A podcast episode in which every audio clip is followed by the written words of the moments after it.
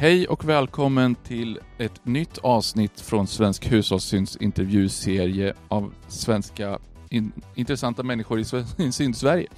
Idag ska vi prata med Erik Ångman, mannen bakom eh, bandet 20 Hertz, eller föredrar att man säger 20 Hertz? Nej, man kan få säga lite vad man vill, tycker jag. Det är väl det som är bra med sånt, det funkar på alla språk. Jag, Ja. jag, vet. Jag, jag brukar nog faktiskt säga 20 hertz. 20 det känns hertz. lite, preta, lite pretentiöst att köra det på engelska när man är svensk.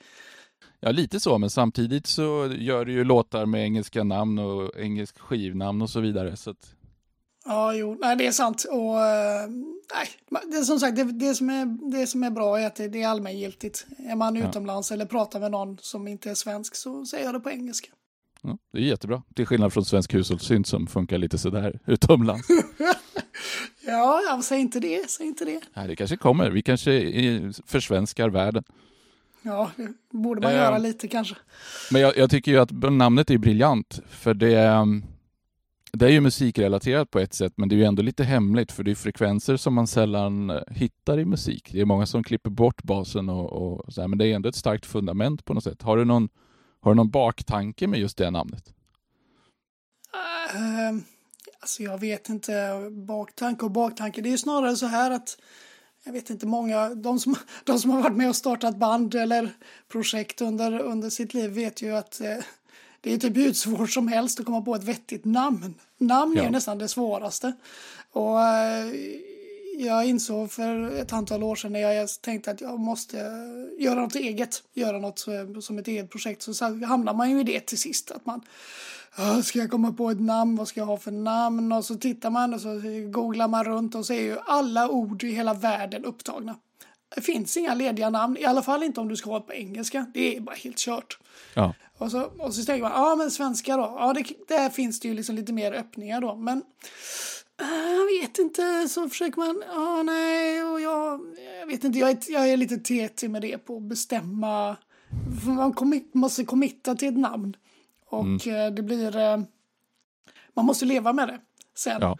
Och då är liksom, eh, tenderar jag nog att gå åt ett stillsamt håll, ett namn som inte säger så mycket. Och, eh, det är musikrelaterat, som du säger. Eller ja, det är ju det är som ljudfrekvens, en frekvens av ljudet. Och, eh, men idén kommer egentligen från en låt Mhm. som eh, är från eh, en eh, artist, ja, som i alla fall, han har många skepnader, men som heter Atom TM. Heter, han heter Ove Schmidt, heter han egentligen. Han är tysk eh, megaproducent och musiker och gör massor med olika saker. ja. Eh, han har en låt som heter eh, Ich bin meine Maschine. Och det är för, första strofen i den låten han sjunger. Eller så säger han 20 Hertz und ich bin meine Maschine. Och så spelar han ett 20 Hertz ljud. Och så nästa strof så är det liksom 50 Hertz und ich bin meine Maschine. Spelar ett 50 Hertz ljud. Så håller han på så genom hela låten och spelar högre och högre sådana här toner. Så det är nästan lite ljudkonstmusik eh, då? Ja, det, fast det är en låt egentligen. Den låten är egentligen en riktig låt. Det är bara att han har liksom haft en ett konceptuell idé tror jag. Och så tyckte jag det lät så fräckt. Och Ja. Det lät fräckt på tyska och då tänkte jag men det funkar ju på svenska och engelska också. Så Ja, absolut. ta, ta inte så stor plats när man ska skriva det heller. Och det kommer ganska tidigt i alfabetiska listor. Ja, jag vet inte om det är bra eller om man tänker på skivback-grejen eller på ordningen. Så jag vet inte hur lätt det är att ha en siffra i början. Det är ju så lite oklart var siffrorna hamnar någonstans. Ja, Men det, i min värld så hamnar de före bokstäverna. i min med. Eh, Jag tror de gör det i ASCII-tabellen också va? Mm, tror det va? Jag vågar inte svära på det. Nej, inte jag heller. Det var länge sedan jag kollade i en ASCII-tabell, men det har hänt. Ja, jo det gör det. Ja, eh, men då kanske folk undrar hur du och jag känner varandra och eh, jag tänkte jag skulle ta upp det för att eh, jag hjälpte dig att mixa och mastra din senaste platta i höstas var det väl någonstans runt eh, augusti, september, oktober va? Ja, jag började väl i slutet på sommaren som sagt och så körde vi stenhårt i några månader där. Ja, precis. Och det var efter att jag hade bestämt mig för att jag ville lära mig lite mer om mixning och mastering och hittade dig på 99 Musik där du efterfrågade det i, en, i ett inlägg som var ja, men något år gammalt va? Mm, ja, just det. För mm. tanken att börja, eller då snarare avsluta den här skivan kom ganska långt innan du och jag träffades faktiskt. Ja, och det är lite roligt då för att vi hade ju uteslutande under hela den här arbetsperioden kommunikation via mail. Så att eh, det här avsnittet är egentligen första gången vi pratas vid på riktigt. Ja, det är nästan lite konstigt. Vi har inte ens pratat på telefon emellan. Nej. Vi, har nog skickat, vi har nog skickat flera hundra mejl å andra sidan. Säkerligen. Sen är de ju inte jättelånga allihopa, men, men absolut, det är väldigt mycket mejl. Ja, men, och det har varit ett väldigt givande samarbete för att jag tycker att dels har jag lärt mig otroligt mycket eh, genom att se lite grann hur du har byggt upp dina låtar och sen samarbetet och försöka förstå vad du vill ha av en mixare och mastrare och sen vad, vad som är viktigt att tänka på och hur man, eh, ja, men hur man lär sig förstå vad den andra menar trots att det bara är text. Mm. Jo men det så är det. Man, det, det är sådär, jag är inte någon van beställare av sådana här tjänster heller, måste man ju i ärlighetens namn erkänna. Jag, jag, jag, jag, vet ju ungefär vad det är jag vill ha. Men eh, jag har ibland lite svårt att kanske formulera eh, hur, hur det ska gå till liksom. Ja. ja, men nu vet jag ju till exempel att en puttefnjutt är ungefär en halv decibel. Ja, precis. Man får göra en sån, eh, en sån ordlista vad Eriks, Eriks sådana ord betyder. Liksom. Hur mycket är en sån där? Lite. Ja. Lite är flera decibel liksom. Ja, precis. precis. Nej, men det, det, det, det är sådär liksom att jag är inte duktig nog att kunna säga sitta hemma och Nej. lyssna på din, eh, din mix och tänka ja den här ska ner en decibel. Jag kan liksom inte, jag kan inte få till det i huvudet. Utan då, då, då förlitar jag mig lite på att jag får använda något konstigt ord som du sen mirakulöst förstår vad det är jag menar. Ja, fast vi har, vissa låtar har ju tagit en 5, 6, 7, 8 iterationer innan vi har fått dem rätt också. Så det gäller ju, man, man får ju känna sig fram helt enkelt. Jo, så är det ju. Och det, det, alltså, det är ju självklart. Det är ju inte optimalt att sitta på avstånd och göra sånt här. För att det går ju det hade ju gått väldigt mycket fortare. Eh, och ha, man slipper ha alla de här iterationerna när man skickar saker fram och tillbaka som inte spiller tid men som tar tid. Mm. Och det hade man ju sluppit om man satt bredvid varann. Men eh, jag, är ju, jag är ju supernöjd med det som vi har åstadkommit tillsammans. Alltså det, det känns som att det har, det har funkat mycket bättre än vad jag kunde föreställa mig. Ja, det är jätteroligt. Och jag, jag, som sagt, jag tycker också det var otroligt lärorikt och väldigt roligt att få prova på. Ehm, och jag tror att tack vare liksom ja, men din noggrannhet och, och sättet vi har liksom lärt oss kommunicera så har jag fått en genväg till en, en, en erfarenhet som kanske hade tagit mycket längre tid att få eh, på andra sätt. Ja, alltså, jag är bara glad att du kallar det för eh, noggrannhet och inte kallar det för eh, fantastisk överpetighet. Jag vet, jag sådär mm, det, det, är också, det, det är det här som är lite sådär, man, när man sitter själv och, och rycker i reglerna så, så vet, då kan man liksom sitta där upp en halv decibel, ner en halv decibel, upp en decibel, ner en decibel. Det kan du sitta och göra, det är inget problem. För då kan man ju liksom sitta där och testa sig fram. Men när man är på avstånd så blir det ju så här, ja, ska vara lite lägre där. Eller ska du det? Jag vet inte. För man kan ju inte prova. Nej. Heller. För det. Sen är man ju... Man, sen är jag säkert lite överpetig ibland. Liksom att man skulle kunna släppa saker tidigare. För det är ju till sist hamnar man ju i sådana små detaljer. Så ingen människa är mer än du och jag som någonsin skulle höra skillnaden eller ens förstå vad det är, att, hur det ska vara. Mm. Det, det, blir ju väldigt petigt ibland. Och, och därför tror jag att det är bra att man lämnar bort det här till, till någon annan som hjälper en att liksom bli klar.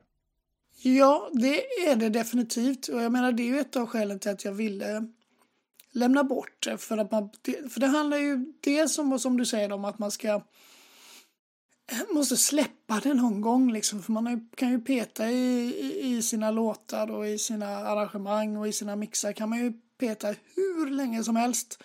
Men någon gång måste man ju bara sluta liksom. Och ja. så det är en viktig del av det. Men ja. sen för min, för min del så handlar det ju om att dela med mig det och låta någon annan göra det. det är också att få, ett, få någon form av sanity check också, liksom få någon annans öron på det. För eh, som sagt, har man pysslat med en låt, en låt kan ju ha funnits i flera år innan man kommer till skott och verkligen committar till att lägga det till en platta då. Och eh, det kan vara bra då att få någon annan som lyssnar så att man inte har tänkt helt fel. För mm. det, man, man vet inte, man blir så otroligt eh, hemmablind med sina egna alster. Speciellt ja. med sina egna som man har gjort helt själv. Så är det. Eh, jag tycker likadant själv att man, man tycker att jäklar det här låter ju bra och sen är man ju nöjd så. Medan någon annan kan komma in från sidan lite grann och säga men du är ju helt säker på att du ska ha den där handklappen som slår av där, den låter lite malplacerad mm. Mm. Eller, eller vad det nu kan vara. Ja, nej, men så kan man, då kan man ju ställa den frågan så här, du vet, är den här kicken för stark? Mm. Och då sitter jag bara och hoppas att du ska säga nej eller ja. Du vet, mm. bara att jag måste bestämma. Jag vill inte bestämma saker mer, liksom. Bestäm lite åt mig. Ja, nej men och sen så, det, det, det här är naturligtvis skillnad på olika typer av musik, men jag tänker att elektronisk musik som man gör hemma själv i sitt vardagsrum eller om man har en hemstudio, den, den blir ju på något sätt lite grann färdigmixad från artisten. Där man är ju ganska nära. Jag tänker mig att spelar du in en poporkester i en studio så, så ligger nivåerna lite mer huller om buller när det kommer till mixaren. Jo, men så är det säkert. Det blir med jag har ju in, nästan bara, eller i alla fall definitivt absolut mest eh, elektroniska eh, instrument och eh, det, det, är ju, det är ju mer kontrollerat. Hela miljön blir ju mer kontrollerad så fort du inte har framme en mikrofon. Ja. Ska du, ska du micka upp någonting och spela in något akustiskt då blir det ju en annan historia. Ja. Och då, som, som du säger, då blir det ju lite mer jobb ja. på mixsidan att göra för att liksom fixa till eh, du vet, städ, städjobbet behövs inte göra speciellt mycket på, om man har spelat in ordentligt, så behövs det inte göra så mycket städjobb i den elektroniska, alltså inte smuts och skrap och brus och sånt. Mm. Mm. Men eh, det blir samtidigt, mer pilligt istället. Ja, och samtidigt kan det ju vara så att, att vissa av de där skräpgrejerna gör ju att det känns lite mer levande, så det kan ju saknas lite, kan bli lite sterilt i en elektronisk miljö. Men där tycker jag du har lyckats väldigt bra, för att dels så har du ibland spelat in syntarna genom pedaler, tror jag du har sagt. Eller, mm. eller lite olika saker. Och dels har du ofta med lite lite brusiga ljud och, och samplingar och sånt där som ligger lite i, i bakgrunden.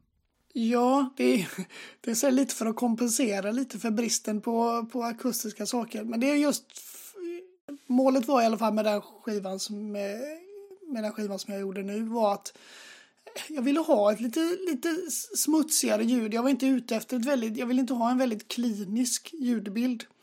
Och då är det ju liksom eh, man har använt en del fältinspelningar och samplingar som, som inte är städade mm. nödvändigtvis. Och man använder dem, det kan ligga väldigt långt ner i bakgrunderna liksom bara för att ge någon form av um, ja, någon form av värme eller någon form av nästan akustisk känsla i dem. I, trots att det inte är det längre i alla fall.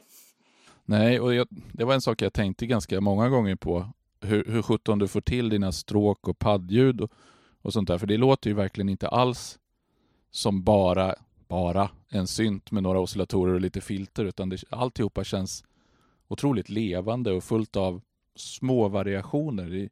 Jag, jag kan tänka mig att det ofta är lager också av olika syntar i samma pad.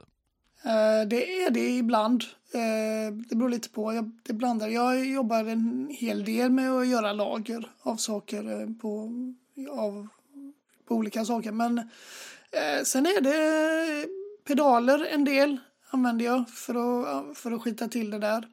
Men sen handlar det ganska, en hel del om ljuddesign från början också. Att jag försöker göra ljud som, som inte låter så kliniska när jag, när jag programmerar syntarna. Ja. Och sen, men sen är det ju effekter. Det är en hel del mjukvarueffekter som ligger på. Jag liksom har en ganska stor arsenal av just sådana eh, lo-fi eh, effekter som jag ja. använder. Både, både i mjukvara och i hårdvara faktiskt. Och det är väl mycket, mycket det som gör det. Ja, jag kan förstå det. Eh, men du säger den här skivan har ju hållit på med ganska lång tid, flera år. När började du Alltså det beror lite på hur man ser det. Eh, när första låten, eller embryot till de första låtarna är ju de är, ju, de är ju nästan från tiden efter min första skiva. så det är ju en mm, fyra, fyra, fem år sedan säkert de, de absolut äldsta bitarna kommer ifrån. Okay. Och sen, så det är ju det, det är ju så att man, jag gör ofta så att jag gör, jag har väldigt svårt att avsluta saker riktigt. Utan jag gör eh, projekt och så gör jag, hur ska man säga, skisser är väl det närmaste bästa att skriva. Så man, gör, man gör skisser som eh, jag kör ganska så mer eller mindre färdigt, beror lite på, halvfärdigt kan man väl säga. Så tar man det och sen så går jag vidare till nästa och så går jag vidare till nästa och till nästa och till nästa. Men sen för kanske, eh, ja, ett år sedan ungefär kanske ett och ett halvt år sedan. Eh, lite, lite beroende faktiskt på att eh, coronatiden kom, kom över oss och jag blev eh, hemförlovad. Så jag har ju suttit hemma och jobbat i princip hela tiden, i två år snart nu. Mm. Men när jag satt hemma så hade, kände, fick jag liksom, eh, jag pendlar till jobbet i vanliga fall så jag har, tjänar ett par timmar om dagen på att inte pendla till jobbet. Mm. Fick mer tid över. Och fick väl en känsla då att eh, nej men nu, nu kanske det är dags att samla ihop alla mina eh, skisser som jag har gjort de senaste åren. Och då påbörjade jag ett arbete och sitta och lyssna igenom allt som man har gjort och det, det tog ganska lång tid bara det. Och så tittar man på vad det är som det som man tycker är, är bra nog. Och, eller man känner att fortfarande håller eller man har feeling för eller något. Och sen eh, gör man ett ur, gjorde ett urval därifrån. Och lite började efter att ha lyssnat igenom vad jag har gjort så började jag fundera på någon form av tematisk tänkande. Alltså ha ett tema i låtar som jag känner passar ihop eller som hör ihop på något sätt. Ja, och gjorde ett ännu snävare urval efter det då. Och eftersom låtarna inte var riktigt färdiga så kunde jag vid det läget då eh, producera eller göra om eller lägga till mer medvetet med hur jag ville att soundet skulle vara. Och i och med att jag inte, i och med att de ändå kommer från ganska olika lång tid eller långt emellan dem. Så eftersom jag har tagit tag i, i efterarbetet på dem inom en, på en kort, under en kort tidsperiod så låter det inte som de är så där hemskt långt ifrån Nej. varandra. Nej. För det, det, är, det, är inte, det är faktiskt en grej jag tänkte fråga det här. För det, dels, visserligen så är ju låtarna ganska olika eh, till sin karaktär på plattan. Det finns ju instrumentala och det finns ju med sång och det finns ju sådana som är lite rockigare och sådana som är ja, nästan helt utan bit och mera bara som ett ljudlandskap. Ehm, men ändå så finns det en känsla av en röd tråd som du har lyckats få in. Ehm, och det hörs ju tydligt både på de låtarna och på, på din eh, låt till Lamours kalender. Och eh, den här remixen som du gjorde senare, Catterfly-remixen, att, att, mm. att det är du som har gjort dem. Det låter 20 hertz som allihop liksom.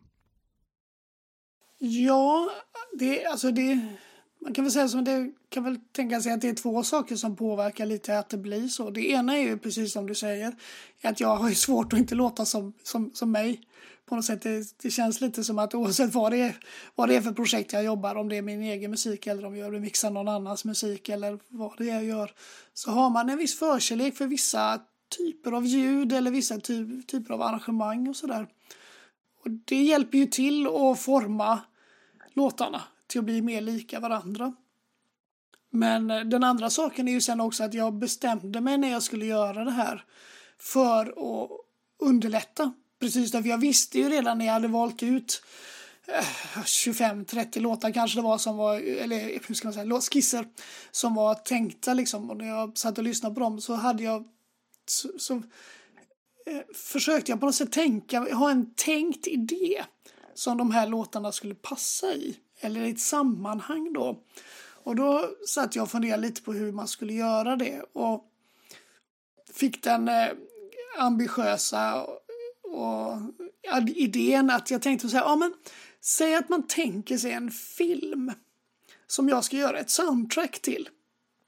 Och så satt jag och tänkte lite på det här och, och det här blir ju skitpretentiöst, jag vet det, men det hjälpte mig en, en hel del att göra det för då tänker jag, då tänker jag, tänkte jag mig liksom en, en, en tänkt film med ett kort litet synopsis liksom. Inte så att man har tänkt ut alls i detalj men bara någon form av, du vet, en halv sidas beskrivning av en hel film. Mm. Och så, tänker man, så tänkte jag liksom att ja, men nu, ska jag, nu ska de här låtarna funka som en soundtrack till den filmen. Eh, som inte finns då. Mm. Men det här, då hade man liksom, när jag hade bestämt mig för det, för då hade man, då kunde jag hänga upp det på en visuell idé som jag hade också. Och det är, eh, ganska viktigt för mig och kanske speciellt mycket för att man gör ganska mycket instrumentell musik. Att eh, jag är förtjust i det filmiska och jag är förtjust i att göra musik som kanske framkallar bilder, liksom att man ser någonting när man hör det. Och det, det tror jag har varit var till väldigt stor hjälp faktiskt för att få plattan att bli så sammanhållen som den blev trots att låtarna spretar en del. Mm. Jag tror att alltså, musik handlar ju precis som film om att på något sätt berätta en historia. Och om man bara gör det inom en låt så är det ju en sak, men om, om man kan sprida ut och göra det över en hel skiva så, så kan jag verkligen förstå att det har varit hjälpsamt att ha, ha med sig i bakhuvudet när man tänker på det. Ja, för mig, för mig var det faktiskt väldigt hjälp. Det var så hjälpsamt att jag funderar på om jag ska fortsätta göra så. Nu vet jag inte liksom om nästa skiva man gör kanske kommer vara så tematisk på det sättet. Det är ju svårt att veta. Men den här blev liksom som här. Det blev lite som ett soundtrack. Mm. Eh, till, en, till en film som inte finns. Och eh, som sagt, det, det är lite prätt att säga det. Men om man bortser från det så var det ett bra sätt för mig att arbeta. Det var ett viktigt arbetsverktyg att tänka på det sättet. Ja, men, men jag tycker inte alls det känns pretto. Jag tycker det känns som ett bra sätt att liksom stoppa in sin hjärna i ett mönster så att man lättare kan liksom gå vidare och, och, och, och jobba fram. Ja, så blir det det och sen så kommer det sig liksom, ja, när man, man gör, det, det hjälper ju liksom hela vägen lite också. Det hjälper ju hela vägen ner till låttitlar till exempel. Mm. Det är ett ständigt problem för oss som gör mycket instrumentell musik. Tusan ska låtarna heta liksom. Men det hjälpte ja. lite där också liksom. För då kan man liksom bara säga att ja, men, då kan man tänka sig att den här låten ska vara i det här sammanhanget eller i en sån här scen eller den ska handla om en karaktär eller en plats i den här tänkta filmen då.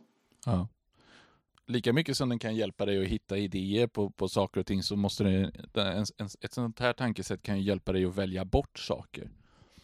Så det, det, kan ju hända att du råkar göra någonting jättekult och så inser du så att ja, fast det, det funkar inte med temat så jag får lägga undan det och, och, och ta det till nästa projekt. Jo, nej men så, så är det ju definitivt. Det var ju eh, som sagt, jag hade väl kanske 25 låtar någonstans när jag var i den gallringen och sen så gjorde jag väl till sist färdigt en 15, 16, 17 låtar kanske av dem som jag verkligen gjorde i stort sett helt färdiga. Ungefär så färdiga som du fick dem. Ja. Men där var det, där sållade jag bort eh, en handfull till som faktiskt precis av det skälet som du nämner nu att jag kände att de passade inte riktigt. Nej. Eller, eller snarare så här att de var jag gör mycket musik men allt jag gör passade inte för mig själv. Eller förstår du? Jag menar liksom att det, det, jag, jag gillar att utforska och ibland så vill jag göra techno och ibland så vill jag göra pop. Mm. Eh, och ibland så gör jag 20 hertz flum. Liksom. Mm. Men då, då var det en del av de här idéerna, även om låtarna var bra, så kände jag att de, de skulle inte gå riktigt att få in i formen. Får de vara på en annan platta eller till ett annat projekt då? Ja, eller också får de ligga och jäsa på hårddisken tillsammans med de andra 500 halvfärdiga grejerna man har. Ja. Nej, men, no men någon gång så kan de kanske komma till användning. Man vet aldrig. Men, men då är du ganska produktiv då? Om du har så pass mycket att gallra mellan? Ja, det är som sagt det är lång tid som jag hade på mig. Det är många år som jag hade samlat ihop saker där. Ja. Men, alltså, men, men coronatiden med pandemin och, och sitta hemma var otroligt bra för min produktivitet. För att det, det, det fick mig att ha, sätta mig ner och börja och ta tag i det och ha tid. Mm. Och liksom committa till det. För att det, jag har ju ett, jag, jag lever ju inte på det här. Jag jobbar ju 8 till 5 i vanliga ja. fall. Eh, yes. Och eh, då är det liksom så här att man har andra saker i livet som tar tid. Och man har inte kanske så mycket tid att lägga på sin musik. Nej. Men dels är det ju det. Men sen handlar det också om att man måste jag måste komma in i, få lite, komma in i the groove. Va? Att man kommer igång och börjar och på något sätt, ja men det här ska bli, det här blir en skiva liksom. Nu, nu tar jag tag i det här. Nu gör jag det här. Så sätter man sig, eh, du vet varje dag. Sätter man sig nu klockan här, så nu sitter jag några timmar varje dag och gör det jag ska göra. Och så tar jag nästa och så nästa och nästa. Liksom. Och det, för mig så är, är det här en ganska svår sak att göra. Så jag, jag hoppas jag ska kunna hålla uppehålla den och fortsätta kunna vara i det här lite mer, lite mer medvetet kreativa eh, arbetsläget. För, för, det är ju kul att sitta och plinka och det är kul att sitta och skapa. Men det är inte alltid jätteroligt att ta en låt från tre fjärdedels färdig till helt färdig. Det är oftast inte den roligaste delen tycker jag. Utan det är, man, man blir lätt förförd av nya ljud och nya låtar istället.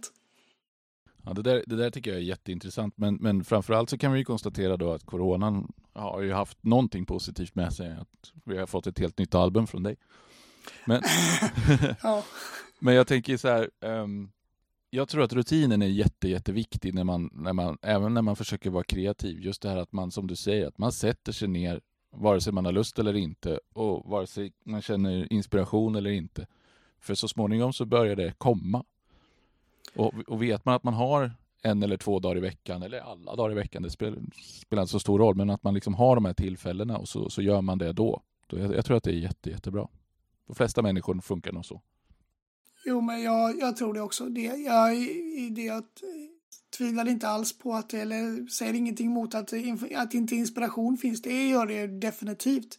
Men om jag bara skulle göra saker när jag var inspirerad eller när jag kände att allt gick jättebra, då skulle det inte bli mycket färdig musik från, från mig. Nej. Utan det, det, det, men det tror jag de flesta som jobbar med musik är. Att ibland är man inspirerad och skapar och, och, och gör något vackert, gör ja. något bra. Men andra, i andra fall med samma låt så handlar det mer om att man måste sätta sig och jobba med det bara. Måste pilla, pilla göra det rätt göra. Detaljprogrammeringen av rytmerna liksom, det, det, det måste göras. Och, eh, slutresultatet är beroende av det också. Eh, det kan inte bara vara på inspiration för att inspirationen är kanske inte alltid, i mitt fall i alla fall, inte så detaljerad utan det handlar mest om att jag inspireras till att producera någon form av känsla. Ja. Men eh, sen så handlar det mycket, sen så handlar det om lite lite kunskap och hårt arbete och, och förpacka det och göra det liksom riktigt bra. Mm. Men vart, vart hämtar du din inspiration i vanliga fall? Då? Vart, vart kommer den ifrån tror du? Ja, jag har ingen aning. Eh, jag vet inte. Jag, det, ja, men jag inspireras, jag inspireras mycket av annan musik givetvis. Och filmer sådär. Jag, som sagt, jag gillar ju, jag gillar ju liksom även Även om jag inte kan skapa det själv så jag gillar jag ju liksom estetik av hur saker ser ut och, och så. Och, men, men mycket andra, annan musik. Det, mm. det, det är ju så. Sen syns ju inte all min musiksmak syns ju inte i 20 hertz musiken jag gör men där, det är liksom ett, ett urval av det som kommer fram där. Så blir det ju och, och man har ju någon sorts fallenhet. Jag menar, alltså som, som elektronmusiker så måste man ju traktera alla instrument, men man gör det ju via, oftast, nu ska jag inte generalisera för mycket, men man gör det ju oftast via en dator till exempel, där man programmerar in toner och mm. sånt där. Så man, mm. om, om, man själv skulle bestämma sig för att starta ett reggaeband så kanske man måste lära sig både trummor, bas, gitarr och sång och vad det nu kan vara. Medan man som, mm. om, man, om man vill producera elektronisk dubb då, så, så går det alldeles utmärkt att göra det med en dator, bara en laptop idag. Mm, visst. Så så på det sättet så blir det naturligt då menar jag att, att även om du kanske lyssnar på jättemycket reggae så är det väldigt svårt att få in allt för mycket av det i din musik eftersom du då kanske måste lära dig, alltså spendera väldigt mycket av den lilla tid man, man inte har på att lära sig instrument som man bara behöver spela någon gång i någon låt kanske. Mm. Nej men alltså hela, hela projektet eller eh, vad man nu ska kalla för artisten 20 hertz kommer sig ju egentligen av att jag ganska sent i livet upptäckte ambient musik. Ja. Jag, jag, har ju varit en, jag har ju varit en syntpop-snöre framför allt under, under väldigt, väldigt många år. Och, men det är som sagt, ja det kan vara för en, kan vara tio år sedan, åtta, tio år sedan någonstans när jag började upptäcka ambientmusiken. Mm. Och eh, det, det, det, var på något sätt det var där jag kände liksom att jag kunde få utlopp för eh, det som jag gör för 20 Hz är ju verkligen inte det gör jag för min egen skull. Det här är, det är saker som jag vill göra för att jag tycker det är kul och jag tycker att det är kul att lyssna på det här. Och jag förstår ju att det blir ju, det är ju inte den smalaste musiken i världen men det är ju inte, det är inte P3 eh, eller Radio Riks direkt heller utan det ligger ju liksom, det ligger ju kanske i den lite mer eh, obskyra fåran liksom. Men eh, det bekymrar mig inte liksom när det gäller, när det, gäller det utan det handlar mer om det att ja, men där, där gör jag som jag vill och just för att där med 20 Hz så är det ju bara jag som bestämmer. Och det är, mm. jag, jag, jobbar ju i andra konstellationer och andra band och har gjort under många år också. Och jag, det finns jättemycket kul med det. Jag älskar Jag spelar ju, jag spelar ju som, i band nu också liksom. Men eh, fördelen med att göra det själv är ju liksom att man, man kan bestämma allt själv. Och det finns ju, då har man kontroll över det också. Då blir det som jag vill på gott och ont. Lite. Mm. Nej, men det är ju som du pratade om lite grann förut, där att, att när man gör allting helt själv så är man ju utlämnad till sin egen förmåga att bestämma att någonting är klart eller inte. Och, och, och jag tycker att det är fruktansvärt svårt. Eller jag, mitt svåraste när jag gör musik, det är att, att komma förbi det här första stadiet. Jag, jag hatar att börja med ett tomt papper, liksom att bara öppna musikprogrammet och, och, och aha, nu ska vi göra en låt. Det, då tar det tvärstopp för mig. Eh, så att jag måste på något sätt lura mig själv över en sån här första gräns. Så, eh, men hur brukar du liksom påbörja en låt? Sätter du det liksom med ett tomt papper eller har du en idé? Eller? Nej, alltså det är inte... Det är ganska sällan jag har en idé innan jag sätter mig ner. Det finns väl, det finns väl några, något, ska jag säga, exempel på det på skivan som jag gjorde nu. Men överlag så är det mest att jag, jag sätter mig ner och, och så, som en musikerkompis till mig säger, sätter mig och leker lite. Mm. Eh, bara sitter mig och joxar lite, sätter mig vid någon favoritsynt eller någon mjukvara eller vad det är för någonting. Så sätter man sig och pillar lite och sen så, ja, men så hittar man någonting, om det här, det här gillar jag. Så här, mm. Ett ljud jag gillar eller en melodi eller en ackordföljd. Och så sitter man och klämmer på det lite och så, ja, så man har suttit och spelat eh, samma, samma eh, ton i två timmar så känner man att det här, det, här kanske, det här kan bli en bra ton av det här. Nej, men så, så, och då kommer det igen lite, för mig så är det lite så att när jag får, om man hittar något ljud eller någon rytm som man gillar så känner man, ja men om jag skulle lägga på en sån här grej till det och så testar man och så lägger man en grej till på det och sen så, mm, så men om jag skulle testa en sån här grej så bygger jag upp ganska många spår ifrån början. Du vet ju hur mina projekt ser ut. De har ju inte så många spår när de väl är färdiga faktiskt. Nej. Men i, i, i tidigare fas så har de kanske jag testat massa olika ljud och massa olika grejer liksom.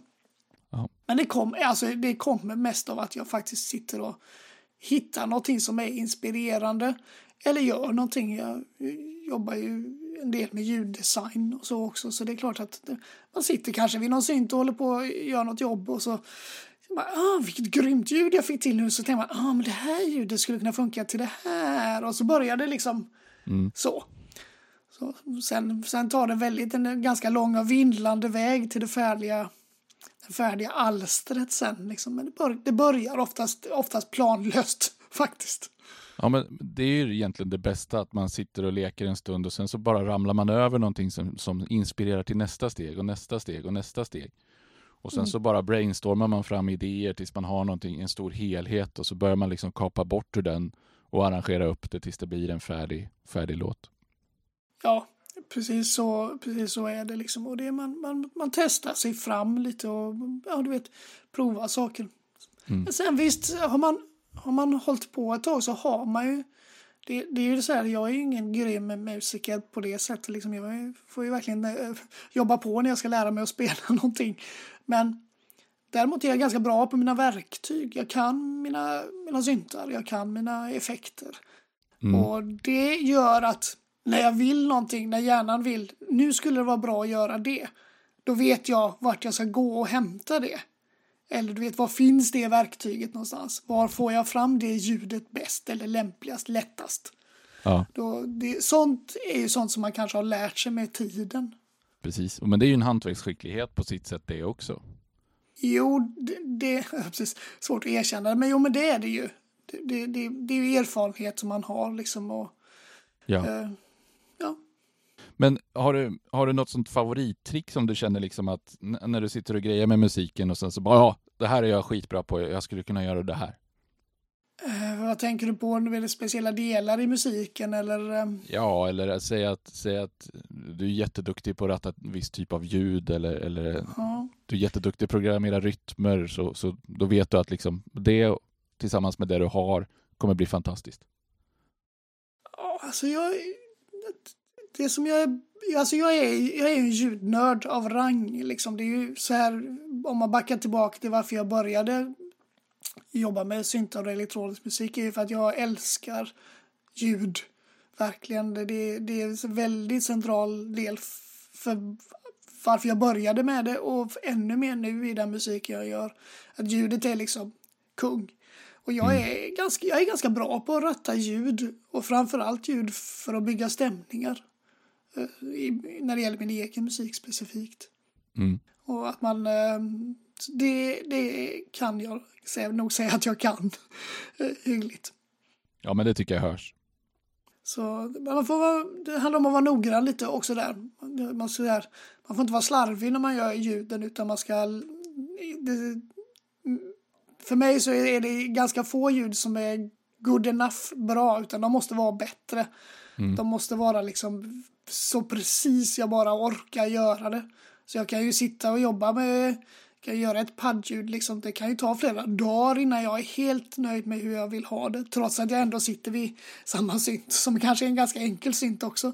Men det ska vara liksom precis som jag vill ha det och det ska vara du vet exakt Ja. de inställningarna så för att få precis det jag vill ha.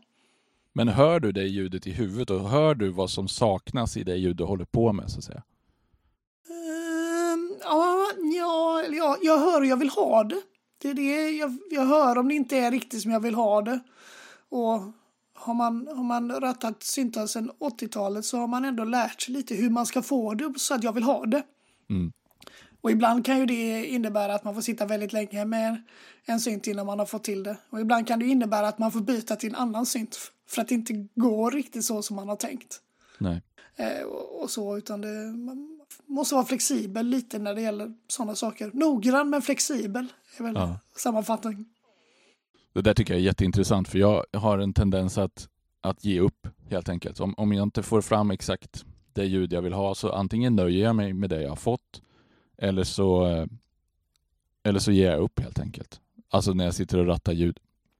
Men, men jag har sällan, alltså när jag gör mina egna låtar så har jag väldigt sällan eh, en exakt idé om hur, hur ljudet ska låta så att jag låter det vara lite flexibelt och låter maskinen inspirera mig lite grann. Eh, inte för att det här ska handla så mycket om hur jag gör, men, Mm. men, eh, men där skiljer vi oss verkligen åt då, för du har en tanke om exakt hur du vill ha det. Ja, alltså du... Fast jag gör... Jag tänker lite som du gör också, fast på ett annat sätt. Sådär att jag... Jag, jag jobbar, jobbar ju... Jag är ju midi-generationen. Mm. Och jag jobbar ju fortfarande ganska mycket med midi. Och det gör att... Eh, jag har ju både min hårdvara och mjukvarusetup har många kablar och eh, kontakter och ihopkopplingar och sådär. Och det gör att eh, när jag komponerar en låt så gör jag den nästan helt färdig med alla ljud innan jag committar speciellt mycket till audiofiler. Ja, Och det gör, och det gör att jag, jag sitter och joxar och då gör, gör det också lite, för mig har, gör det det att jag kan justera ljuden lite allt eftersom. För ibland så kan man ju tycka att det här var bra men det kan sen inser man att det funkar kanske inte så bra när den här grejen kommer samtidigt. Men då är det lite sådär att för mig är det så ju senare jag committar till audio ju, ju fortare går det. Eller snarare så här, ju, ju enklare är det sen för då behöver jag inte göra om det nej. när jag spelar in det då. Eh, Så jag, jag har en, fortfarande en sån ganska old school approach till hur jag spelar in saker. Det är ganska, det är inte så många som, tror jag, som gör så nu för tiden utan de flesta committar ju till audio mycket tidigare. Och sen skruvar eh, på det där. Men eh, ja, jag vet inte, jag, jag, vill, jag vill lämna det liksom, jag vill vara så flexibel som möjligt så länge som möjligt.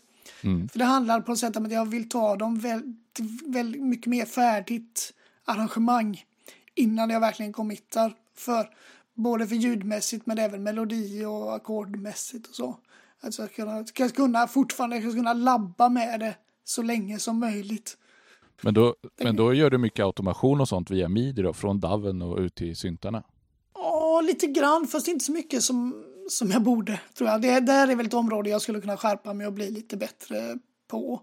Jag gör ju de flesta modulationerna direkt på syntarna, faktiskt. Okay, ja. Och man skulle, man skulle nog kunna ut, utnyttja DAVen mer för att ja. göra det. Eh, så, men det, än så länge som sagt så har jag, jobbar jag just mest med de delarna på synten. Sen gör, sen gör jag däremot automationen en del faktiskt på audiofilerna istället. Där händer det ibland. Eller ja. mer ofta, ska jag säga. Ja. Men, men då har du alltså presets i syntarna så att du kan ha ett projekt uppe ena dagen och sen så gå och ta ett annat nästa dag och sen gå tillbaka till det första innan du committar alltihopa till audio. Ja, det mesta. Det beror ju lite på vad det är för syntar jag har. Men jag, de flesta syntarna som står här bakom mig. Eh, de flesta syntarna här har presets. Inte alla. De flesta har det. Men är det i de fallen där man jobbar med synt som inte har presets. De committar jag snabbare till audio. Ja. Av det skälet att man kan inte ha en, en synt som kostar massa tusen som bara står upplåst på ett ljud liksom för att jag inte kan bestämma mig. För jag vet att jag tar lång tid på mig. Ja. Och det blir, det, jag jobbade ju med modulär, hade en ganska stor modulärsynt eh, hög förut.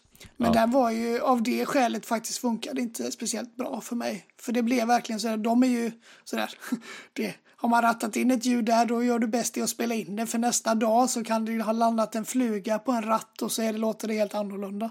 Ja. Och, det, och, och, det blir också så då blir det ju verkligen det här att du har en überkomplicerad eh, apparat som du, om du inte committar audiot du har, ska ha så står den bara där och är helt oanvändbar till något annat. Ja. Nej, jag hade också någon modular någon gång och så visade det sig att när jag startade upp den nästa dag så hade jag, då startade sequensen på ett annat steg. Och då mm. var det en annan synk med resten och jag hittade fan inte tillbaka till hur det var när det var så fantastiskt dagen innan. Ja, jag, jag känner igen det. Men om du hittar en sån här skiss nu då på en låt som är ja, ett, ett halvår gammal och sen så har du kopplat bort syntarna från mm. den med dina pedaler och vad det nu kan vara för saker du har satt upp. Hur, hur, hur kommer du tillbaka till det då? då? Ja, ser jag lite snabbt så är det ju inte, är det är de gamla skisserna så är det ju oftast att jag har sålt synten också. Ja, jag kanske inte ens har kvar dem liksom som jag har gjort. Så ibland så öppnar jag projekt så ser jag bara en midi-filer liksom och så inser jag bara mm, här vet jag knappt vad det är för låt för att det finns liksom inga syntarna som de kontrollerade eller styrde en gång i tiden är borta. Tre av fyra. Och då är det väl i vissa fall så är det väl så att eh, då orkar jag inte. Då gör jag ingenting. Nej. Men om det är låtar som jag vet vilka de är eller som har vissa delar kvar, då återskapar jag ljud på, mm. det, den hårdvara jag har. Eller rattar in den igen om det skulle behövas, om det är en synt som jag har kvar som inte har uh, presets. Ja. Det, då, då, det, det, är värt att gå tillbaka. Det, det är så här, jag är noga med ljud men det måste inte Låten hänger inte på att det är exakt, eller oftast inte, hänger inte på att det är exakt det ljudet utan det går att byta ut till något annat. Om låten är bra nog för att jag ska ge mig på det, då, mm. då kan man göra det liksom. Mm. Det, det, det, låt måste ju inte vara precis på ett sätt bara. Man kan ju mixa den och arrangera den på ganska många olika sätt. Och då, ja, det, det, det handlar, liksom, handlar om vad man är för stunden hur gammal är projektet och så. Ja. Och först, man förstår ju njutningen med vad, eller fördelen med att bara jobba med mjukvara och inte byta ut datorn under tiden. Det är skitbra. Mm. Låter ju alltid likadant när du drar igång det projektet. Ja, fast jag ska säga att inför den här intervjun nu så har jag lyssnat igenom och kollat lite på de projekten som vi har gjort tillsammans. Och eh, ett av dem var, lät faktiskt inte likadant. Så att eh, man kan inte riktigt hundra lita på det där heller. Nej. Och den, det enda jag har gjort är att jag har uppdaterat min DAV då, sen dess. Eh, ett par versioner, alltså lite sådär bugfix mm. och vad det nu kan vara. Ja, okej. Okay. Så det känns lite märkligt. Ja, det, det, det är sådär, man, ibland så vet man inte riktigt eh, varför saker låter annorlunda. Oftast är det för att man själv har gjort någonting. Det är ju eh, 98 fall av 100 så är det för att man själv har tryckt på någon knapp eller stängt av någonting eller mutat någonting eller automatiserat fel eller vad det nu är man har gjort liksom. Ja. Men, eh, men ibland så händer det ju sådana saker man vet i tusan varför det låter annorlunda. Men då är det så här liksom, då får man ju gilla läget. Antingen får man leva med det, göra, rätta till, göra, rätta till det som man kan eller också får man slänga det. ja, precis. Ja, det låter inte som att du är särskilt sentimental med dina projekt. Nej, inte, nej, inte så. Utan det, det, det var... Det finns alltid mer musik man kan göra. Det är liksom Mm. inte... Jag, jag kan göra nya låtar. Det, jag har fler, inte så att jag har fler idéer, men jag vet att jag kommer att göra andra låtar. Och är det någonting som jag inte tycker blir bra nog, ja men då lägger vi den på hyllan. Så går vi vidare och tar nästa liksom. Och, eh, speciellt kanske när man jobbar ihop med andra. Om man jobbar i, i någon form av eh, projekt där man är två, tre stycken eller tills man spelar i ett band. Då blir det liksom så här att då ska ju, då är det ju inte bara jag som ska tycka det är bra utan då måste ju flera personer tycka det är bra. Och Ja. då måste man vara, tror jag, om man inte är någon väldigt eh, stark eh, person som i stort sett äger bandet och dess musik så måste man kunna kompromissa och, och kill your darlings som man säger det klassiska engelska uttrycket lite. Ja men, ja, då blir det väl så här då, då jag kanske gillar den här låten men om inte de andra eh, gjorde det, ja, men då, då skiter vi i den då liksom. Vi gör en ny låt. Kan göra Visst. nya låtar som blir bra eller kanske bättre. Ja, Och det är så, så är det ju med ens egen musik också. Liksom det, det. Ja, Ja. Man kan inte, det- om man gör många, jag gör ganska många idéer liksom. Jag sitter ju, har ju redan nu börjat, jag är ju så urless. Man är ju det vid det här laget precis när man har släppt en skiva. Den är ju väldigt fräsch för alla andra, men för sig själv ser man ju astrött på de låtarna. ja, jag höll på att dö när du och jag höll på att mixa och mastra den liksom, för då hade ju jag innan dess suttit i ett halvår med låtarna också. ja, Man behöver inte höra de här låtarna mer, jag vill göra något annat. Men sen försöker man skärpa till sig, nu ska jag lägga tiden på det här så det blir färdigt. Ja. Inga andra saker nu. Men nu är, det, alltså, nu är jag befriad från min senaste skiva så nu får jag göra vad jag vill igen. Och då sitter jag, då sitter jag nu och jag kollade nu, jag håller på med fyra, fem alster. Samtidigt, bara så här, "Åh, ös på, kom igen liksom. ja, men det är jättebra. Hoppas att det kommer en ny skiva så småningom här. Ja, målet är att det inte ska ta fem år den här gången utan nu eh, får vi se hur länge corona håller i sig. Nej, men, det, det, nej, men målet är att göra det snabbare den här gången. Och för att, just för att jag har fått in en arbetsrytm som är mycket mer produktiv. Jag ska försöka hålla mig kvar i den. Ja. Och även om, även om coronan tar slut så, så ehm, kanske fortfarande finns möjlighet att jobba hemifrån lite grann. Ja, där, där jag jobbar nu så eh, kommer, ja, vi, vi hann ju i några veckor där vara utan corona nästan när vi började Ja. jobba på jobbet tydligen och då är väl den setupen som vi har där att vi kommer att jobba, om man vill, jobba lite hemma, lite på jobbet. Och som sagt, i och med att jag pendlar till jobbet så ger det mig ganska mycket mer extra tid att vara hemma. Yes. Ja, jag tror att det där är en sak som är bra för hela samhället om, om olika företag förstår att folk kan vara produktiva hemma också. För att, jag menar, spara pendlingstid är ju hur, hur värdefullt som helst. Och pratar vi miljöpåverkan så, så Visst, att inte åka alls måste ju vara mycket bättre än att, att åka, även om du åker miljövänligt. visst är det så. Och på det företag som jag jobbar gjorde ju ett ruskigt bra resultat första coronaåret. Liksom. Och Trots att folk jobbade hemma nio månader av tolv. Liksom. Och det, Ja. På något sätt bevisar man ju ändå då att i alla fall vissa typer av arbeten går alldeles utmärkt att eh, utföra hemma. För att eh, personerna är de som utför arbetet och det spelar inte så jättestor roll var de sitter. Om man har ett jobb som jag har, jag sitter ju bakom en dator nästan hela min arbetstid liksom. Exakt. Det är svårt att ta med sig fabriken hem om man skulle råka jobba på en sån. Ja, hellre om man jobbar med människor, det är klart, då har man ju inte en chans liksom. Nej, det är sant. Du, eh, jag tänkte vi skulle ta och gå igenom ett par av låtarna från eh, din skiva och prata lite grann eh, om dem specifikt. Så att vi, vi börjar med att lyssna på en av dem som du har valt och det är Daybreak.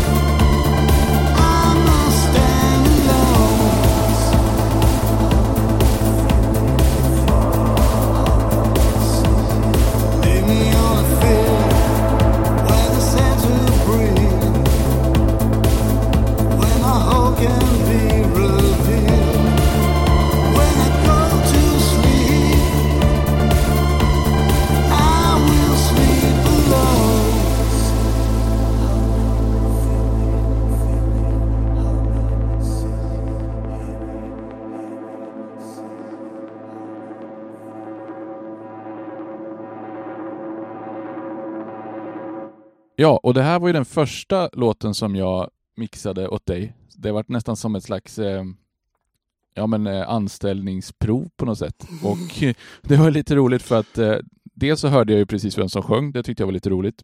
Eh, en annan 99 eh, musik-kändis. Eh, eh, och det så var det ganska, den var ganska pysslig att mixa för den innehöll väldigt många olika ljud och, och eh, spår. Då. Mm. Ehm, kan du berätta lite om hur den kom till och hur det kom sig att den var så 99 tät? Uh, ja, den, den, låten är ju lite, den är ju lite, dels, den är annorlunda av, av flera skäl. Man kan, väl, man kan väl backa tillbaka lite så här att 20 Hertz är ju liksom mitt projekt där jag gör, som jag sa, är envåldshärskare. Men däremot så tröttnar jag på mig själv ganska fort också. och tycker ja. att så här, men jag inser att jag är inte bäst på allt. Och jag tycker det är kul att jobba med andra människor. Och eh, jag har försökt lite och, och på den här skivan och fråga bekanta och vänner om de har lust att hjälpa till och bidra. Och jag har väl ganska fräckt bara frågat folk rakt ut liksom och sådär eh, om de är intresserade. Man måste ju säga, ja, de flesta, de flesta är ju faktiskt intresserade och faktiskt och, ja, och tycker det är kul. Ja. Och jag tror att många är tacksamma också att få vara med någon, för, det, för att ja, men samarbeten boostar en ju själv lite grann. Dels så får man ju någon som man, som man liksom måste leva upp till lite grann så att man faktiskt tar den där stunden man får över och, och faktiskt gör någonting. Mm. Och, och, dels så, så, inspireras man och man behöver inte stå för alla beslut själv. Så jag, jag, jag gillar också samarbete. Jag tycker det är skitkul. Ja, nej men det är alltså, alltså den låten Daybreak, den, bör, den är ju lite, den är lite annorlunda på flera sätt. För den här, den här eh, den låten började underligt nog bakvänt för min del. Den började faktiskt med att jag fick ett par, eh, jag fick ett par audiofiler från, eh, från eh, en 99 Roja heter hon. Och eh, hon höll på att göra, spela in sin egna skiva som eh, en grym skiva för övrigt. Som där hon eh, enbart använder eh, buckla. En, eh, en buckla isel. Som hon har komponerat hela den skivan på. Och jag, fick, jag fick lite överblivet material från den skivan. Jag fick två, fick två audiospår därifrån. Och tyckte det här... Dels gillar jag att det, det, det låter lite annorlunda. Buckla har ju ett ganska speciellt sound och, och jag tyckte så här, bara, ja men det här låter lite coolt. och då blev det liksom så bakvänt att det gick till att jag hade de spåren först. Och så gjorde jag en låt runt dem. Och sen så blev det så här att när man hör låten så är det väl kanske inte så tydligt att det är så för att eh, de är inte det viktigaste elementet i låten egentligen. Men, de, men den började liksom, tog avstamp och eh, som, som man hörde på låten så hör man det ju framförallt i introt, i utrot. Där hör man ju bucklarna, bucklaspåren lite mer nakna. Ja. Eh, så det var väl där, jag gjorde, på den låten minns jag att det fanns faktiskt, det finns en helt annan version på den låten som är helt annorlunda. Det finns Ja, förutom bucklaspåren då. De, de är ja. samma. Men det, finns, det är ett enda ljud som är på, på den eh, versionen som finns på skivan som faktiskt är från den första versionen. Men sen är allt annat helt annorlunda. Det är en helt annan typ av låt också. Och det blev så här bara, ja, nej, den, den första låten, det blev, det blev, det blev för mycket det blev för mycket new age och valsång och vågskvalp och sådär. Jag, jag, in, jag insåg det när efter ett tag bara att det blev, nej, det här blev lite väl sådär. Det är väldigt farligt att halka in det när man gör ambientmusik. Man får passa sig lite så att det inte blir lite för sådär. Ja. och det tycker jag personligen. Så det, det blev lite för, lite för snällt och vänt. Men då gjorde jag om den helt egentligen och då blev det den formen som den är nu. Ja. Och eh, efter jag rötte till ordning den och den var instrumentell fortfarande. Då kände jag så här att, för jag har på mina de två skivorna jag har gjort så har jag haft lite folk som sjunger på några låtar. Och eh, ville ha det gärna på de här också. Och då skickade jag ut en, en trevare till, eh, till en kille som heter eh, Magnus Norr. Även han en 99 musikmänniska. För jag har hört honom sjunga på andra låtar. Ja. Via, på, hört på forumet och sådär. Och tyckte han sjöng hur bra som helst. Absolut. Och drog, drog iväg en, en, en mejl till honom och frågade sig, men vad skulle du vara intresserad liksom? Och han nappar ju direkt snäll som han är liksom. Och um, så sa han så här, vad vill du jag ska sjunga? Så, så, sa han. Och då, då sa jag, jag vet inte jag. Sjung någonting. Sjung någonting. Ja. Nej, äh, men jag har de gångerna jag låter folk Eh, eller vill att folk ska vara med på mina låtar så vill jag oftast inte ha dem som sessionmusiker som spelar precis det jag säger åt dem. För jag kände lite så här att om jag ska säga åt dem precis vad de ska göra då kunde jag gjort det själv. Äh, inte riktigt, men då blir det som jag vill bara. Och jag mm. vill ha, jag vill ha att andra människor ska kreativt bidra. Ja. Och, och i det här fallet så sa jag så här, men eh, Eh, sjung, sjung, i princip så. Jag, jag, berättade lite om tanken med skivan och idén, liksom vad den skulle handla om och konceptet bakom och så. Så sa jag, men eh, eh, skriv en text och sjung som du vill. Testa lite, gör en snabbinspelning och testa liksom. Och det gjorde han ju med den äran. Det blev ju grymt bra. Ja. Han, är ju, han var ju så duktig att det låter ju nästan som att det inte är gjort på det här sättet. Det låter ju som det är tänkt att det ska vara Alltså sången ska sitta där den sitter och att det är en vers och refräng. Och det är en bedrift i sig för det finns ju ingen vers och refräng i låten egentligen. Nej. Nej, och jag, jag tänkte på det när, när jag insåg att det var han som sjöng, för jag har lyssnat på en del andra av hans verk, han är jätteduktig och jag har remixat en av hans låtar så jag har fått höra hans röst ganska mycket. Och eh, jag trodde ju liksom att rockigheten av låten kom bland annat från honom, att det var ett, liksom ett mer rakt upp och ner samarbete, att ni hade satt er ner liksom att nu ska vi göra en låt ihop. Ja, nej, det, så var det ju inte. Alltså den här låten är ju en av de låtarna som är nästan är, den sådär, nästan på gränsen att den inte borde vara med på skivan. För den, sticker, den är liksom en av de som är i ytterkanterna lite. Mm. Det, är ju näst, det är ju nästan någon form av vad, vad som händer om man korsar ambient och postpunk. Ja. Vilket, ju, vilket ju är en sån här ohelig sak som man inte brukar liksom höra ihop så ofta. Mm. Uh, och, men, men nej, alltså som låten är, den är ju musik, musikaliskt så är det jag som har gjort allt från den. Jag vet inte tusan varför den blev som det blev. Jag tror att jag jag tror att det kan vara så att jag lyssnade på svenska bandet Agent Sidegrinder tror jag. Var lite, lite sådär i, i den moden där. De, ja. de spelar ju grym jag ska inte säga musik åt det hållet. Jag vet inte om man ska säga att det är postpunk heller, men åt det hållet lite i alla fall.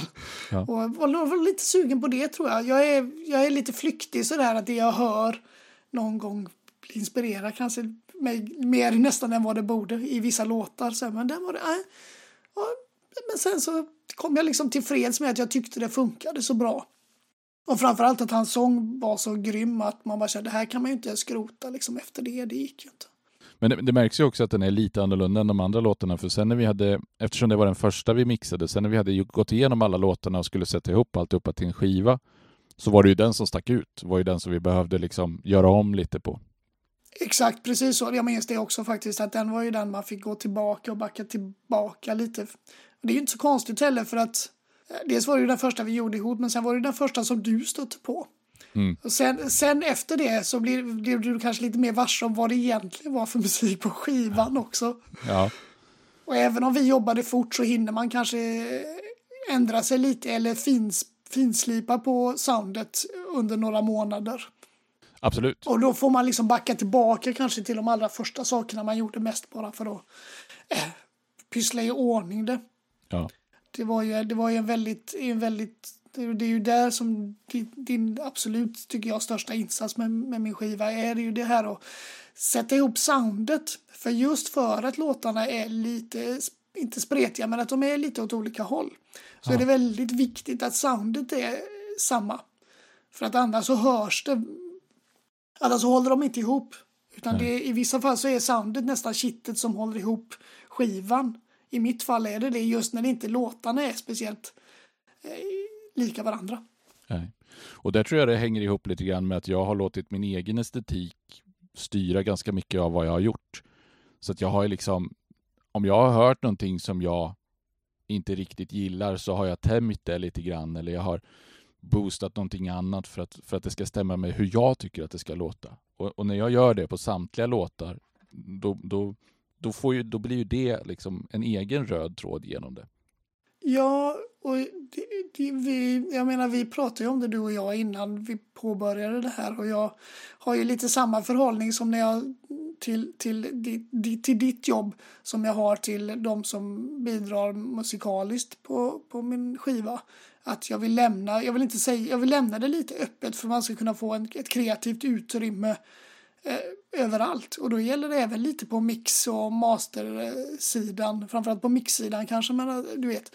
Mm. Att där, där, vill jag att du ska få ett, åtminstone ett litet svängrum mm. och kunna göra så. Och jag liksom, det, vi har ju testat oss fram i, på olika låtar med olika saker och sådär, men uh, jag, hoppas, jag hoppas att du kände att du fick lite, lite möjlighet i alla fall att sätta din prägel på det.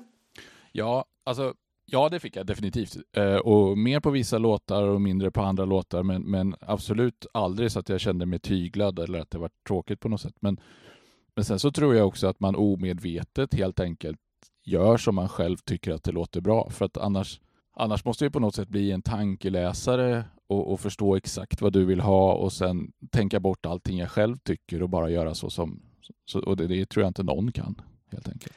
Nej, alltså jag menar du du har ju, man ska inte säga att du har direkt eh, varit våldsam med ditt handlag på mina låtar utan du har varit ganska varsam mm. med ditt jobb som du har gjort. Men sen så tror jag en sak som gör att det faktiskt funkade bra att jobba ihop var ju också att det känns som att vi, vi, vi tycker ju lite lika och har ungefär samma känsla för vad det är man vill. Så vi vill ju inte åt två helt olika håll.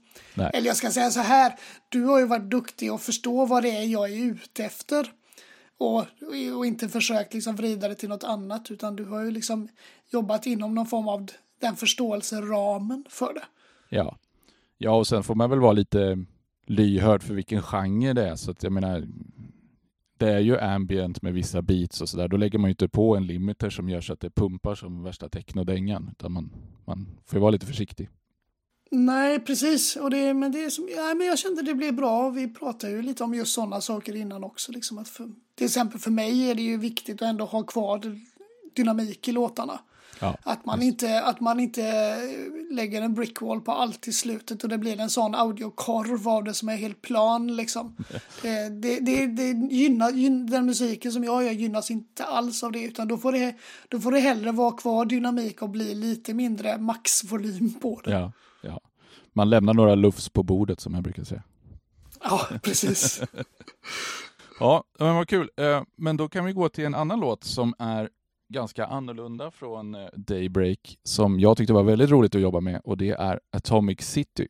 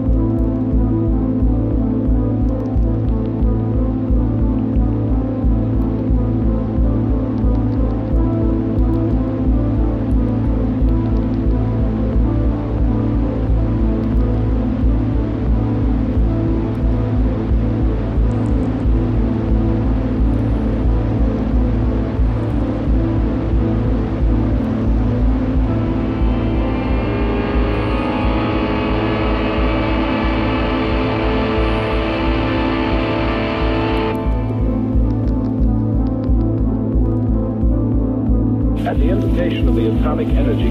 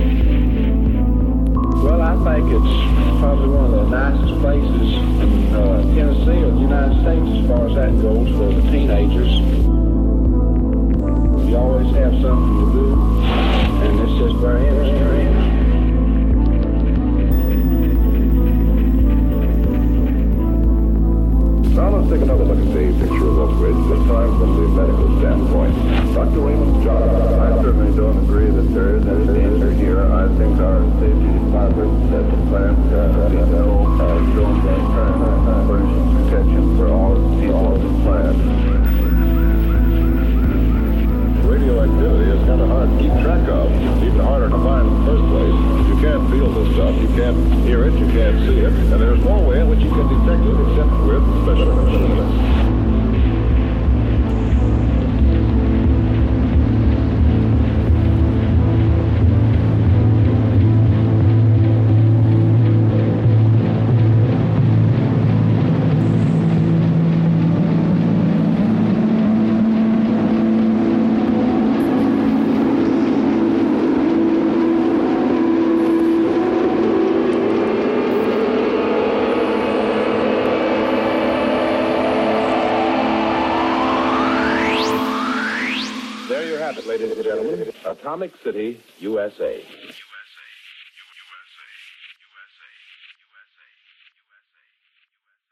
Ja, och den här är ju väldigt mycket åt det håll som du pratade förut om, det här med att, att det är som ett soundtrack till en film. För det här är det ju inklippta röster från nyhetsinslag. Man får verkligen en stark känsla av, av eh, en miljö runt det här, alltså kärnvapentester och USA på kalla kriget-tiden, eller kanske ännu tidigare. Och just att man bygger upp en hel stad runt de här testerna liksom är ju känns så typiskt amerikanskt från den här tiden. Så, att, så jag känner mig väldigt förflyttad in i, i den här miljön av ljudet och låtarna, och, eller alltså t- rösterna och ljuden som är med i låten.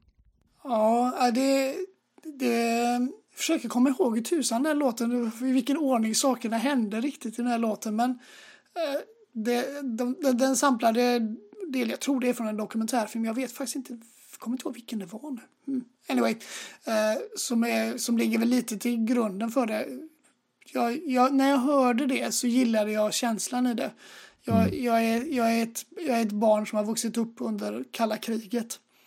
Och det tillsammans med någon form av hela min skiva andas ju ändå lite, sådär, lite retro lite retro eh, futurism eller vad man ska kalla det men en, men en liten retrokänsla av och jag, jag gillar liksom på något sätt den, den, den tiden och hur, den, hur man liksom porträtterar den. Man ser lite blekta, blekta bilder, eh, gamla foton framför sig och kalla kriget med, med, med, i USA med, med allt vad det innebar. Mm. Och sen det sen i kombination med att jag tror att en hel del av den låten kom till ganska sent. Och då hade jag sett eh, den fantastiska tv-serien om Tjernobyl. Ja, ja. Och då fick jag, därifrån kommer en del av eh, nästan det bärande ljudet i, i låten som ligger i hela låten. En, en väldigt lång drone som skumt nog faktiskt inte är digital utan den är från en, eh, en DC Oberheim OB6. Jaha. Som jag, tyckte, jag tyckte den lät lite så här, man fick sån här Geiger-mätar, klickeplupp Mm. ljud från det. Och när jag hade det tillsammans med de rösterna då kände jag så här, ja ah, men det här, det här eh, kommer bli någonting av det. Ja. ja alltså jag tycker ju att rösterna, de låter ju svartvitt på något sätt. Ja. Men det som jag tyckte var så kul med, var att jag, med den här låten var att jag fick lite extra fria händer. För du sa det, alltså rösterna var ju ganska manipulerade redan innan, men, men du sa att jag gärna fick leka lite med dem. Eh, så det gjorde jag. Dels med, med lite delayer och dels med en väldig massa automation för att få det att funka. För de första försöken jag gjorde med delayerna, då eh, använde jag i min, eh, i min DAVs LFOer och slumpmässighet och sånt där för att styra saker och ting. Jag tror att vi stötte på din eh, noggrannhet där, för, för varje gång det var någonting slumpmässigt så var det så bara, aj, det där, nu låter det inte lika som förra gången. Kanske var lite för slumpmässigt. Ja, men exakt. Och eh, så då, då fick jag automatisera det istället så att jag fick samma effekt men att den var lika varje gång. Ja, ja, ja, men det så var det. Jag minns att vi... Jag minns att det var så här att jag sa ju åt dig, som säger, jag gav dig så här, men kan du inte hitta på något kul? Tror jag, det har jag sagt flera gånger under, under arbetet vi har gjort med den här skivan. Så jag bara kände, ja men här ska man kunna göra någonting. Och så tänker jag, det är ofta så att jag tänker, det kunde jag tänkt ut redan när jag gjorde det, men det gjorde jag inte. För ibland så hör man det inte först liksom, när man hör det färdiga. Ja. Och då tänkte jag, men det kan ju Niklas få, få leka lite med. Ja. Och det gjorde du ju verkligen på den här. Och vi hade ju... Det var ju så att jag gillade ju egentligen från början det du gjorde. Sen var, fick man ju tweaka det lite bara. Så Så att det blev lite så, så att det blev liksom lite mer så att det, eh, lite mindre var det väl snarare som jag ville ha av det. Ja. Nej, men, och sen det märkt vid det här laget, om det här, jag kommer inte ihåg vilket nummer i ordningen det här var, men, men vi hade gjort ett antal låtar tillsammans när det var dags för den här, så att jag visste ju liksom att jag kan vräka på ordentligt och så får jag sålla bort sen. För det är Mm. bättre att jag gör så än att jag gör för lite och, och, och du liksom känner att ja, men det, här, det här räcker inte, det måste någonting mer till. Så då, Mm. då öser jag på med galenskaper och så backar vi tillbaka det sen. Men det, det, det, det tror jag är, är rätt angreppssätt när det gäller mig och jobba med Mm. mig i alla fall. Så man eh, gör någonting som märks Mm. och så får man liksom, kan man ju eh, dra ner det lite sen om det blir för mycket. Ja. Utan det, det är bättre liksom så. Och I det här fallet så var det ju ett lämpligt ställe där man kunde latcha med det eftersom, eftersom redan samplingen när den lämnade mig var ju behandlad en hel del. Så kände, men så kände jag ändå så att ja, men här kunde man få utrymme just för att leka mycket med effekter på, på den låten.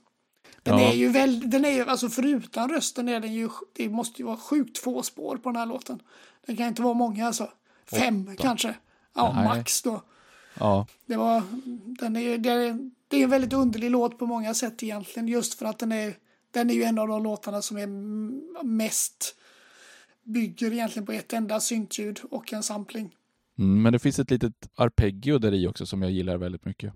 Ja, skulle man kunna tro att det är ett arpeggio om man inte lyssnar noga. Allt på den här låten är handjagat. Ja. Det är inte, det är inte en sequencer faktiskt. Som och det är ovanligt för mig eftersom jag som sagt nästan alltid sequensar alltid midi redan innan. Men på den här blev det inte så utan det blev, jag stod och spelade ett, eh, Juno 106 stod jag och spelade samma figur i fem minuter i sträck. Och det finns, jag, jag hade väl 88 tagningar och ingen blev bra. Jag spelade fel förr eller senare. Jag kunde inte spela samma fyra toner på samma sätt så länge i, sträck. Nej. Men, eh, men det, det, blev, det funkar till slut. Och ger en lite annorlunda känsla för det ger en sån där liten eh, jag vet inte, slitet, det blir lite slitet av det just att det inte är så maskinperfekt. Ja. och det passar ju perfekt i den här låten som inte har så mycket andra sådana element som det blir skevt mot, utan det blir liksom skevt för sig självt. Mm. Men det minns jag också att du sa, eller skrev då, eftersom vi bara kommunicerade skriftligen. Att, eh, för jag tyckte så mycket om det där arpeggiot så att jag höjde upp det ganska mycket. Men då sa jag det får, får dämpa lite grann, för det hörs, det hörs att du spelar dåligt. Ja, jo, det var det. det. Jag vet, det var någon, jag hade lite, det, det är alltid sådär med att till sist, det är klart jag kunde fortsatt och spelat eh, mer och mer och mer och mer rätt. Men det var, det var så illa att jag även, det, det kan ju vara för den som är verkligen är intresserad av att hitta mitt fel. Det är på ett ställe som den är ihopklippt faktiskt. Jaså? Om, ja, man, det går att höra om man vet vad det är. Då hör man nämligen för att arpeggios spelar inte samma. Det kommer ut, det, det, det dör lite under ett ställe där det är väldigt mycket, väldigt mycket andra ljud. Men eh, om, man, om man håller reda på hur, hur mönstret är så inser man bara när den kommer ut igen. Om du skulle sitta och räkna så hör man bara, men vänta nu är det på ett annat håll. Så går, det, så går det när Erik klipper fel. Ja. Nej, men, men vi pratade ju förut lite grann om du hade något favorittrick och jag tänkte avslöja ett av mina trick som jag tycker väldigt mycket om, eh, som jag ofta gör. Och jag, jag, jag älskar delayer där man modulerar upp feedbacken till 100% och sen backar av den så att, det liksom, så att ekot byggs på i sig självt och så, Mm. och så förvandlas. För det, ett ljud som går runt, runt, runt i ett, i ett eko förändras ganska fort. Eh, och det brukar kunna dyka upp saker som man inte har tänkt på. Man måste vara försiktig så att det inte börjar dista naturligtvis. Då. Men, Mm. och I den här låten så, så använder jag det tricket i... Ja, det finns ett ställe där rösterna tar slut, men en ligger kvar och bara nästan loopas över sig själv lite grann och så, Ja, och så filtrerar jag den lite snyggt. Det tyckte jag var riktigt, riktigt bra. Ja, nej, jag, jag vet, jag kommer ihåg stället som du pratar om. Jag är, jag är ju väldigt förtjust i, eh, i, i den ljudet som ett självoscillerande delay ger. Liksom. Det, Ja. passar, det passar sig väldigt väl i min lite solkiga ljudbild också, för det blir ett ganska förstört ljud Ja, av det. Speciellt om man kanske har ett delay som emulerar, ja, eller har man kanske har ett riktigt men som emulerar tape eller ett, eller ett, eh, något sånt äldre delay. Ja. Då får man ju ett som du säger, det blir ju ett ljud som inte alls låter som ursprungsljudet utan det är ett ljud i sig själv. ja precis. Och så, och så kan man leka med det resultatet då som är. Det, det tycker jag är fantastiskt. Definitivt. Eh, Men den här låten har nog mest automation som jag har gjort överhuvudtaget faktiskt. Eh, Särskilt på din platta, för det är väldigt mycket just med den där. Trots att det är få spår då, så är det mycket saker som jag kör fram och tillbaka. Men det, är, men det är ett sätt sådär som, jag, som är bra att du har gjort också. För det är lite det där att ibland så känner man att ja, man måste ha skitmånga spår och jättemycket olika ljud för mm. att få variation. Men det finns, ju, det finns ju ett annat angreppssätt som är lite det som det har varit i den här låten. Att man har få spår men att man jobbar med de ljuden och spåren som finns.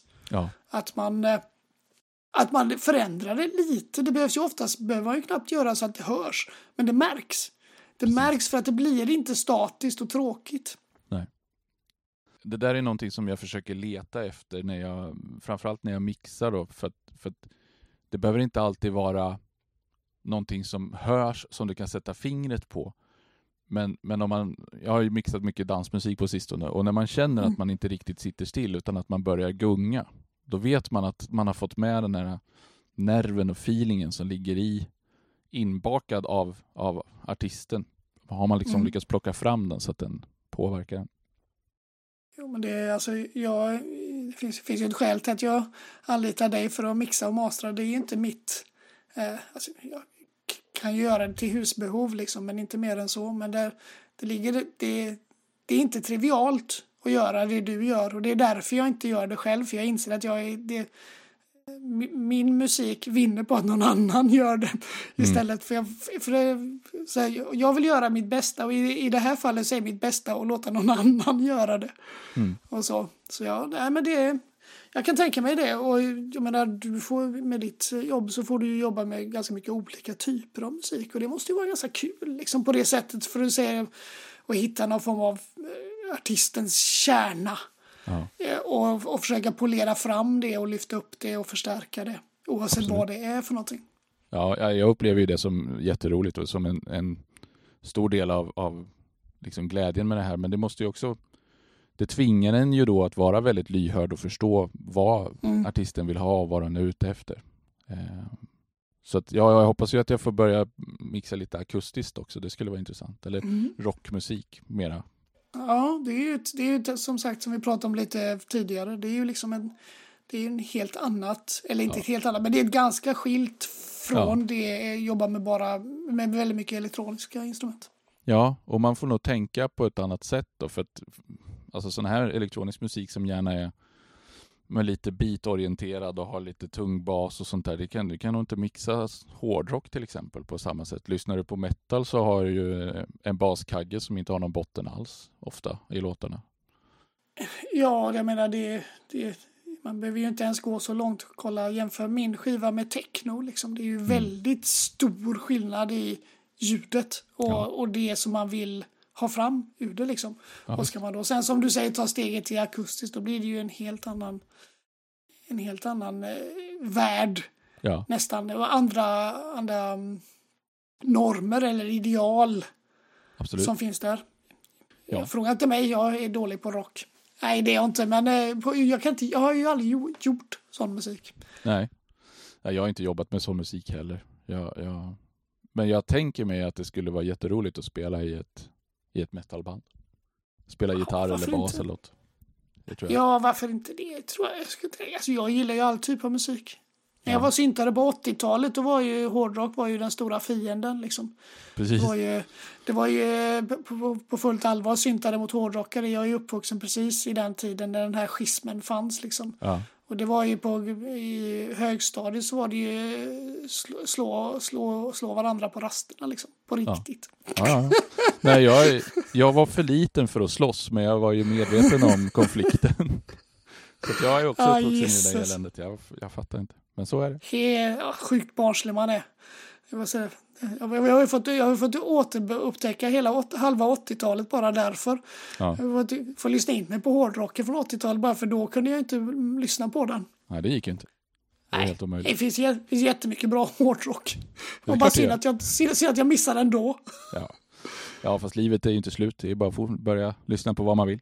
Men du, eh, Jättetack för att du tog dig tid att vara med på det här. Det har varit jätteroligt att prata med dig för en gångs skull, höll jag på att säga. Ja, Äntligen, precis. eftersom Tack. vi aldrig har gjort det förut. Eh, och jag hoppas verkligen att det blir mer samarbeten i framtiden. Ja, det hoppas jag och ser fram emot. Yes, eh, jag med. Eh, men då får du ha det så bra och så får jag säga tack för idag. Tack så mycket. Ha det bra du med. Yes, tack.